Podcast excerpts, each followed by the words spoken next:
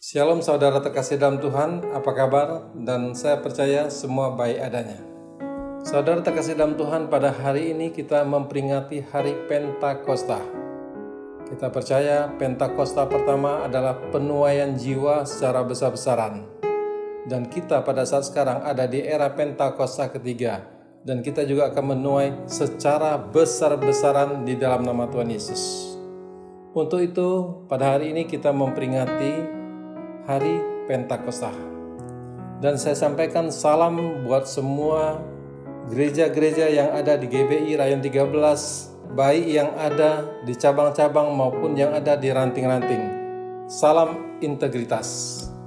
Kita percaya semua Tuhan terus akan pakai saudara semua untuk menuai jiwa-jiwa di Pentakosta ketiga ini. Mari saudara terkasih dalam Tuhan, sebelum kita masuk ke firman, kita tundukkan kepala dan kita berdoa. Bapa di surga yang kami sembah di dalam nama Tuhan Yesus. Kami bersyukur pada hari ini Tuhan, di mana kami boleh memperingati hari Pentakosta. Itu semua karena anugerah Tuhan ya Tuhan. Pimpin dan bimbing kami ya Tuhan. Apa yang harus hamba sampaikan pada hari ini. Penuhi kami dengan roh kudusmu ya Tuhan, yang menuntun kami untuk kami melakukan hal-hal yang berkenan di hadapan Engkau. Begitu juga buat semua jemaat-jemaatmu ya Tuhan yang ada di gedung Sariwangi ini Bapa. Tuhan memberkati mereka, Tuhan melindungi mereka, Tuhan menaungi mereka. Dan kami percaya mereka akan menerima berkat yang luar biasa dalam memperingati hari Pentakosta pertama ini. Bapak Surgawi juga Tuhan berkati hamba-hambamu, anak-anakmu yang sedang ibadah secara offline mereka yang ada di rumah-rumah, ataupun mereka yang ada di mana pun juga, mereka diberkati dalam nama Tuhan Yesus. Dan kita percaya, dan sangat percaya, kita semua pasti beribadah dengan sungguh. Dalam nama Yesus, kami berdoa dan mengucap syukur. Haleluya. Amin. Saudara terkasih dalam Tuhan, Pentakosta bercerita tentang penuaian jiwa-jiwa. Untuk itu kita tahu Pentakosta adalah hari ke-50 setelah kebangkitan Tuhan Yesus. Dan pada hari ini kita memperingati hari Pentakosta itu. Saudara terkasih dalam Tuhan, pada hari ini saya akan membagikan tiga hal tentang apa yang kita dapati sewaktu Tuhan Yesus naik ke surga. Dan pertama saudara terkasih, jelas kita tahu Tuhan itu berjanji. Kalau sudah Tuhan berjanji, Tuhan tidak mungkin mengingkari. Janji Tuhan pertama jelas. Tuhan menjanjikan tempat kepada murid-muridnya. Perhatikan saudara terkasih dalam Tuhan. Tuhan Yesus berjanji akan menyediakan tempat kepada murid-muridnya. Dan kita percaya semua yang ada mendengarkan pada hari ini, yang mengikuti ibadah pada hari ini, semua adalah murid-murid Tuhan, amin. Semua adalah murid-murid Tuhan. Untuk itu murid-murid Tuhan kita beri kemuliaan pada Tuhan. Yohanes 14 ayat 2, demikian firman Tuhan. Di rumah Bapakku banyak tempat tinggal, jika tidak demikian, tentu aku mengatakannya kepadamu, sebab aku pergi ke situ untuk menyediakan tempat bagimu. Perhatikan saudara terkasih, sekali lagi, perhatikan Tuhan menyediakan tempat untuk murid-muridnya.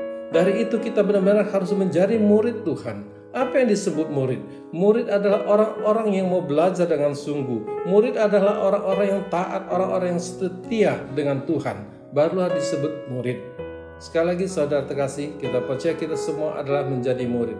Tadi sudah saya sampaikan, Tuhan menjanjikan kita suatu tempat Mungkin kita bertanya, tempat apakah itu?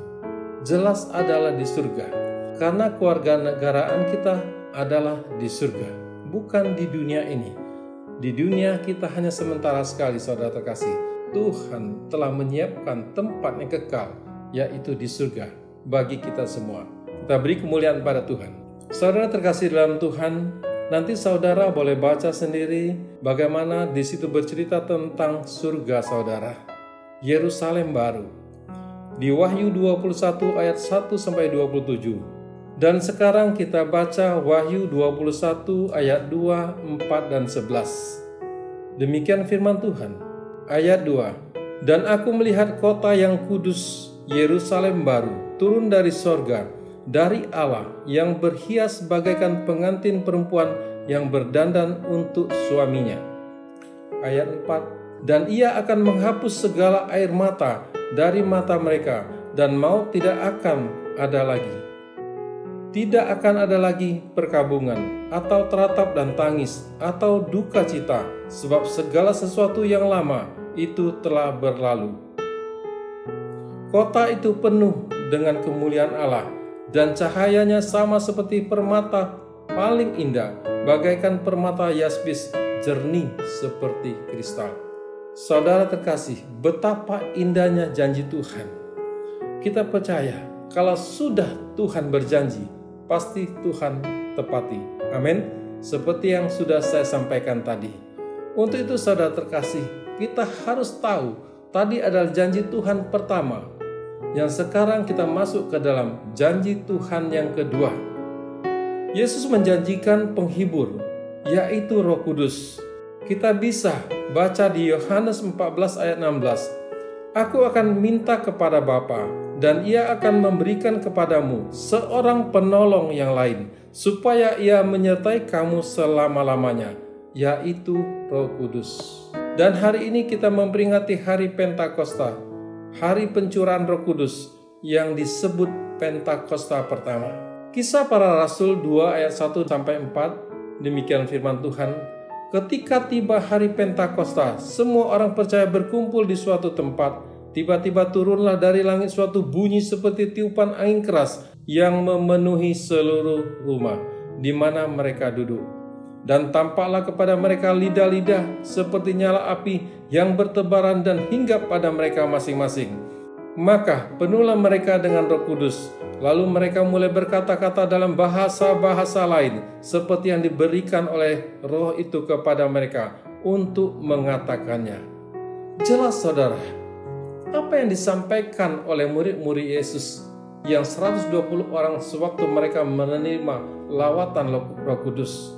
Jelas mereka mendapatkan bahasa-bahasa baru, bahasa-bahasa lidah, termasuk jelas adalah bahasa roh. Dan kita percaya sebagai insan Pentakosta saudara terkasih.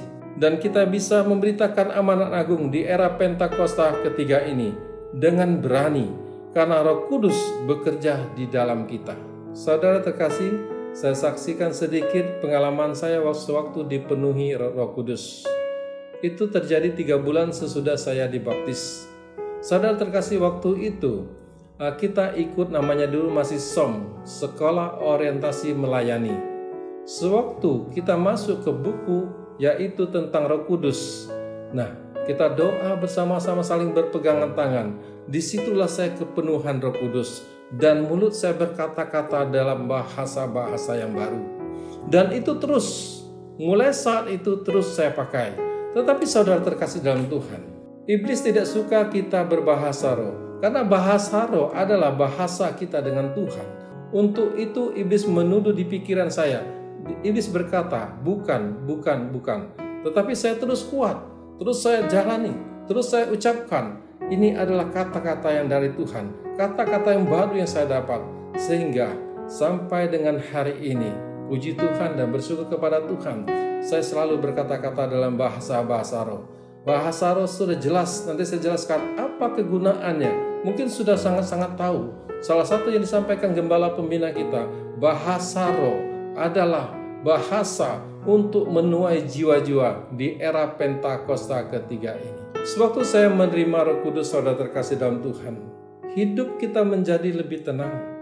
Sewaktu kita dibaptis dengan air dan Tuhan sendiri membaptis kita dengan Roh Kudus, hidup kita pertama jelas lebih tenang. Karena kita percaya kita dipimpin oleh Roh Kudus, kita tidak takut dan tidak khawatir.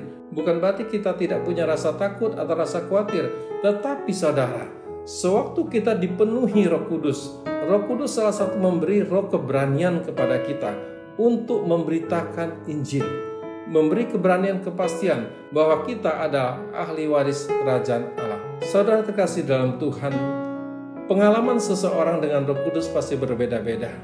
Tetapi saya alami bertahun-tahun sampai hari ini, sewaktu saya menyembah di dalam roh, Sewaktu saya berkata-kata bahasa roh, tidak terasa saudara terkasih dalam Tuhan. Sewaktu kita masuk ke dalam hadiratnya lebih dalam lagi, kita merasakan betapa baiknya Tuhan itu dalam kehidupan kita. Kita merasakan Tuhan itu sangat dekat pada kita. Kita merasakan kasih Allah itu begitu sempurnanya kepada kita. Sedangkan kita tahu, kita menyadari kita adalah orang-orang yang berdosa. Tetapi Tuhan mau memanggil kita untuk kita hidup di dalam tuntunannya hidup di dalam tuntunannya dan kita tahu kita tidak pernah dibiarkan yatim tetapi kita hidup di dalam pimpinan Roh Kudus. Saudara terkasih, kita sudah tahu untuk menjadi orang yang berintegritas itu sangat membutuhkan Roh Kudus karena Roh Kudus selalu memimpin kita untuk menjadi orang yang berintegritas. Untuk itu kita perlu saudara terkasih dalam Tuhan apa yang sudah saya sampaikan saya saksikan secara singkat. Tetapi kita percaya sewaktu kita dipenuhi roh kudus. Kita minta setiap hari. Kepenuhan-kepenuhan itu akan terjadi terus dan terjadi terus. Dan akan melimpah-limpah saudara terkasih. Kita tahu saudara terkasih dalam Tuhan. Tanda awal yang kita terima adalah mendapatkan bahasa-bahasa yang baru. Yang diilhamkan oleh roh kudus itu sendiri. Saudara terkasih dalam Tuhan, kita bisa intim dengan Bapa dan selalu berbahasa roh. Seperti apa yang disampaikan di era Pentakosta ketiga ini, untuk kita banyak-banyak berbahasa roh. 1 Korintus 14 ayat 4a. Siapa yang berkata-kata dengan bahasa roh, ia membangun dirinya sendiri.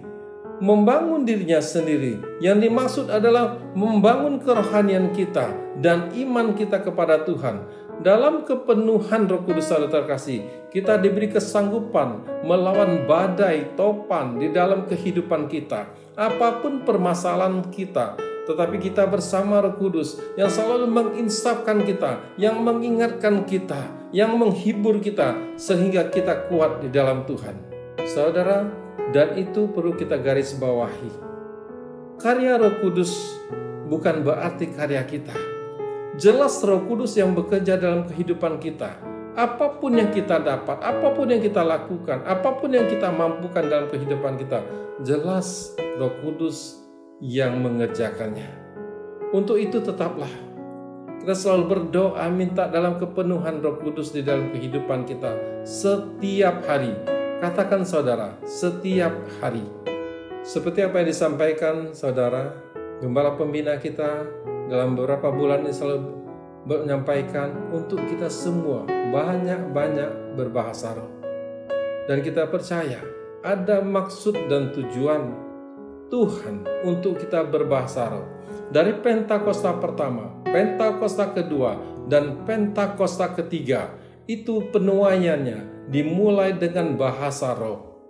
Mungkin sebagian orang tidak mengerti atau bahkan sebagian orang mengejek.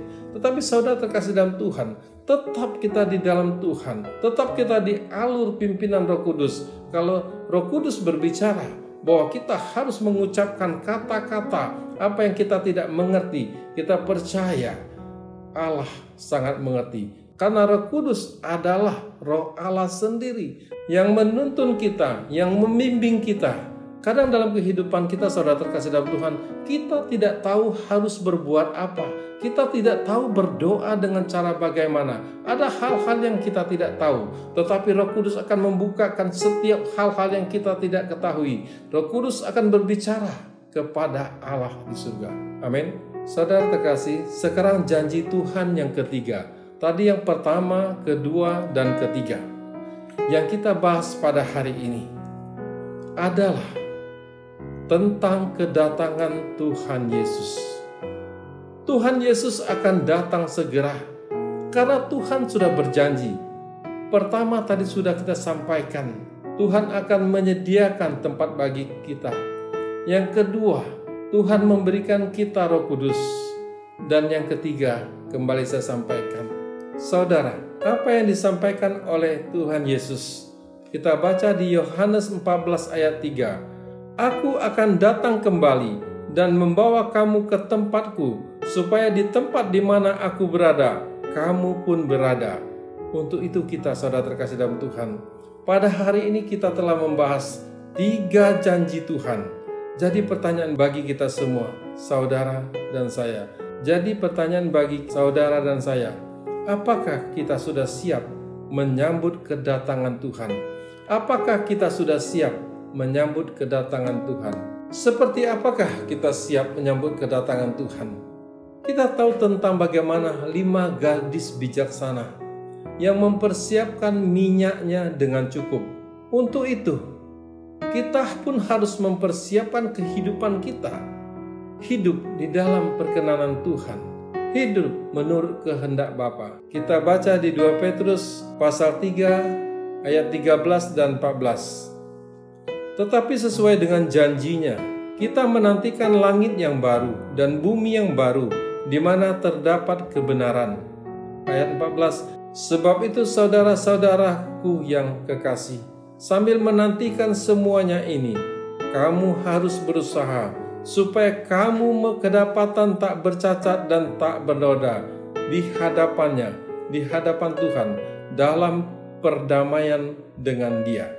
Maka saudara yang terkasih apa yang disampaikan tentang baptisan Markus 1 ayat 8 Aku membaptis kamu dengan air tetapi ia akan membaptis kamu dengan roh kudus dan pada hari ini kita percaya semua kita yang belum menerima baptisan Roh Kudus atau yang sudah menerima baptisan Roh Kudus, kita percaya pada hari Pentakosta ini kita akan menerima lawatan Tuhan yang sangat besar. Roh Kudus akan memberikan sesuatu kepada kita, yaitu rohnya yang dicurahkan kepada kita di hari peringatan Pentakosta ketiga ini. Yang mau sama-sama katakan, amin. Untuk itu saudara terkasih dalam Tuhan, mari kita bangkit berdiri dan kita berdoa. Maka saudara terkasih dalam Tuhan, pada hari ini adalah hari yang khusus dan kita percaya, kembali saya sampaikan, kita akan menerima lawatan yang besar di mana pencurahan Roh Kudus yang akan terjadi baik yang ada di rumah-rumah maupun yang ada di gedung-gedung. Mari saudara terkasih dalam Tuhan kita mengangkat kedua belah tangan kita, kita berdoa. Ora basanda takasik harabashanda bala bala bala bala bala bala bala bala bala bala bala Kina pasik harabashanda takara bala bala bala bala bala bala bala bala bala bala bala bala bala Pada hari ini ya Tuhan kami datang kepada Engkau ya Tuhan dan kami tahu Tuhan suatu kami minta maka Roh Kudus diberikan kepada kami di dalam nama Tuhan Yesus. Kami minta kepenuhan Roh Kudus ya Tuhan atas setiap jemaat-jemaatmu yang hadir pada saat sekarang baik yang secara onsite di Gedung Sariwangi baik yang ada di rumah-rumah atau di mana pun berada mereka diberkati di dalam nama Tuhan Yesus Hina pasta pasara basika basata kamara bataka ya bashandara bala bala bala bala bala bala bala bala bala bala bala bala bala bala sikara bashanda takara basikara bala bala bala bala bala bala bala Saudara terkasih dalam Tuhan angkat kedua belah tangan saudara. Ora baraba takana masandara bala bala bala bala bala bala terima terima Roh Kudus di dalam nama Tuhan Yesus. Terima terima di dalam nama Tuhan Yesus. Engkau yang ada di gedung ini engkau yang ada di rumah-rumah dalam nama Tuhan Yesus. Terima Roh Kudus, terima Roh Kudus. Ora batakala masika para basanda takaya rabasanda bala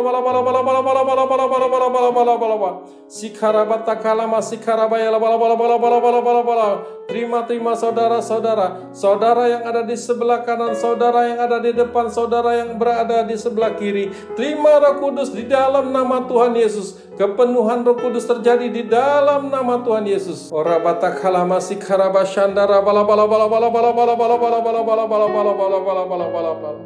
Roh Kudus adalah roh penolong. Apa pun masalah dan kehidupanmu, dia datang akan menolongmu. Roh Kudus adalah penghibur. Apa pun masalah dalam kehidupanmu, apa pun masalah kesusahan dan kesedihanmu, Dia adalah sebagai roh penghibur yang akan menghibur kehidupanmu di dalam nama Tuhan Yesus.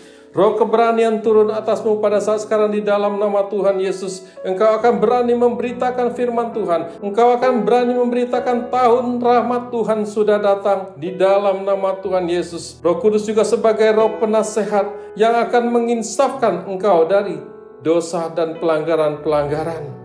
Ora basanda kasih karabala bala bala bala bala. Roh Kudus juga akan menguduskan kehidupanmu di dalam nama Tuhan Yesus, di dalam rumah tanggamu, di dalam pekerjaanmu, semua dikuduskan di dalam nama Tuhan Yesus. Ada kekuatan baru, ada kesehatan baru yang diberikan oleh Tuhan. Karena Roh Kudus sendiri yang mengetahui pikiran Tuhan, karena Roh Kudus adalah Roh Tuhan. Dan juga Roh Kudus adalah pendamai. Maka apa pun masalah dalam kehidupanmu, berdamailah dengan setiap orang. Suatu engkau dipenuhi roh kudus, suatu engkau dipenuhi roh kudus, engkau akan berdamai kepada siapa pun juga. Baik itu orang baik kepada engkau, baik itu kepada orang yang tidak baik kepada engkau.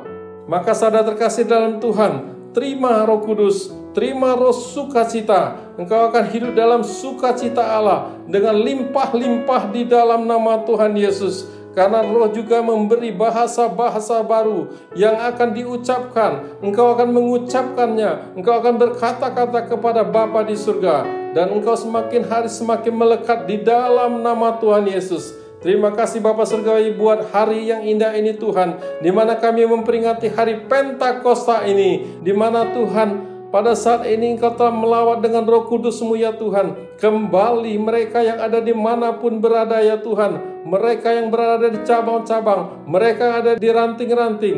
Dan di mana pun mereka berada. Mereka yang ada di gedung ini ya Tuhan. Semua mereka diberkati di dalam nama Tuhan Yesus. Di dalam kepenuhan roh kudus. Dalam nama Yesus. Kami berdoa dan mengucap syukur. Haleluya. Amin.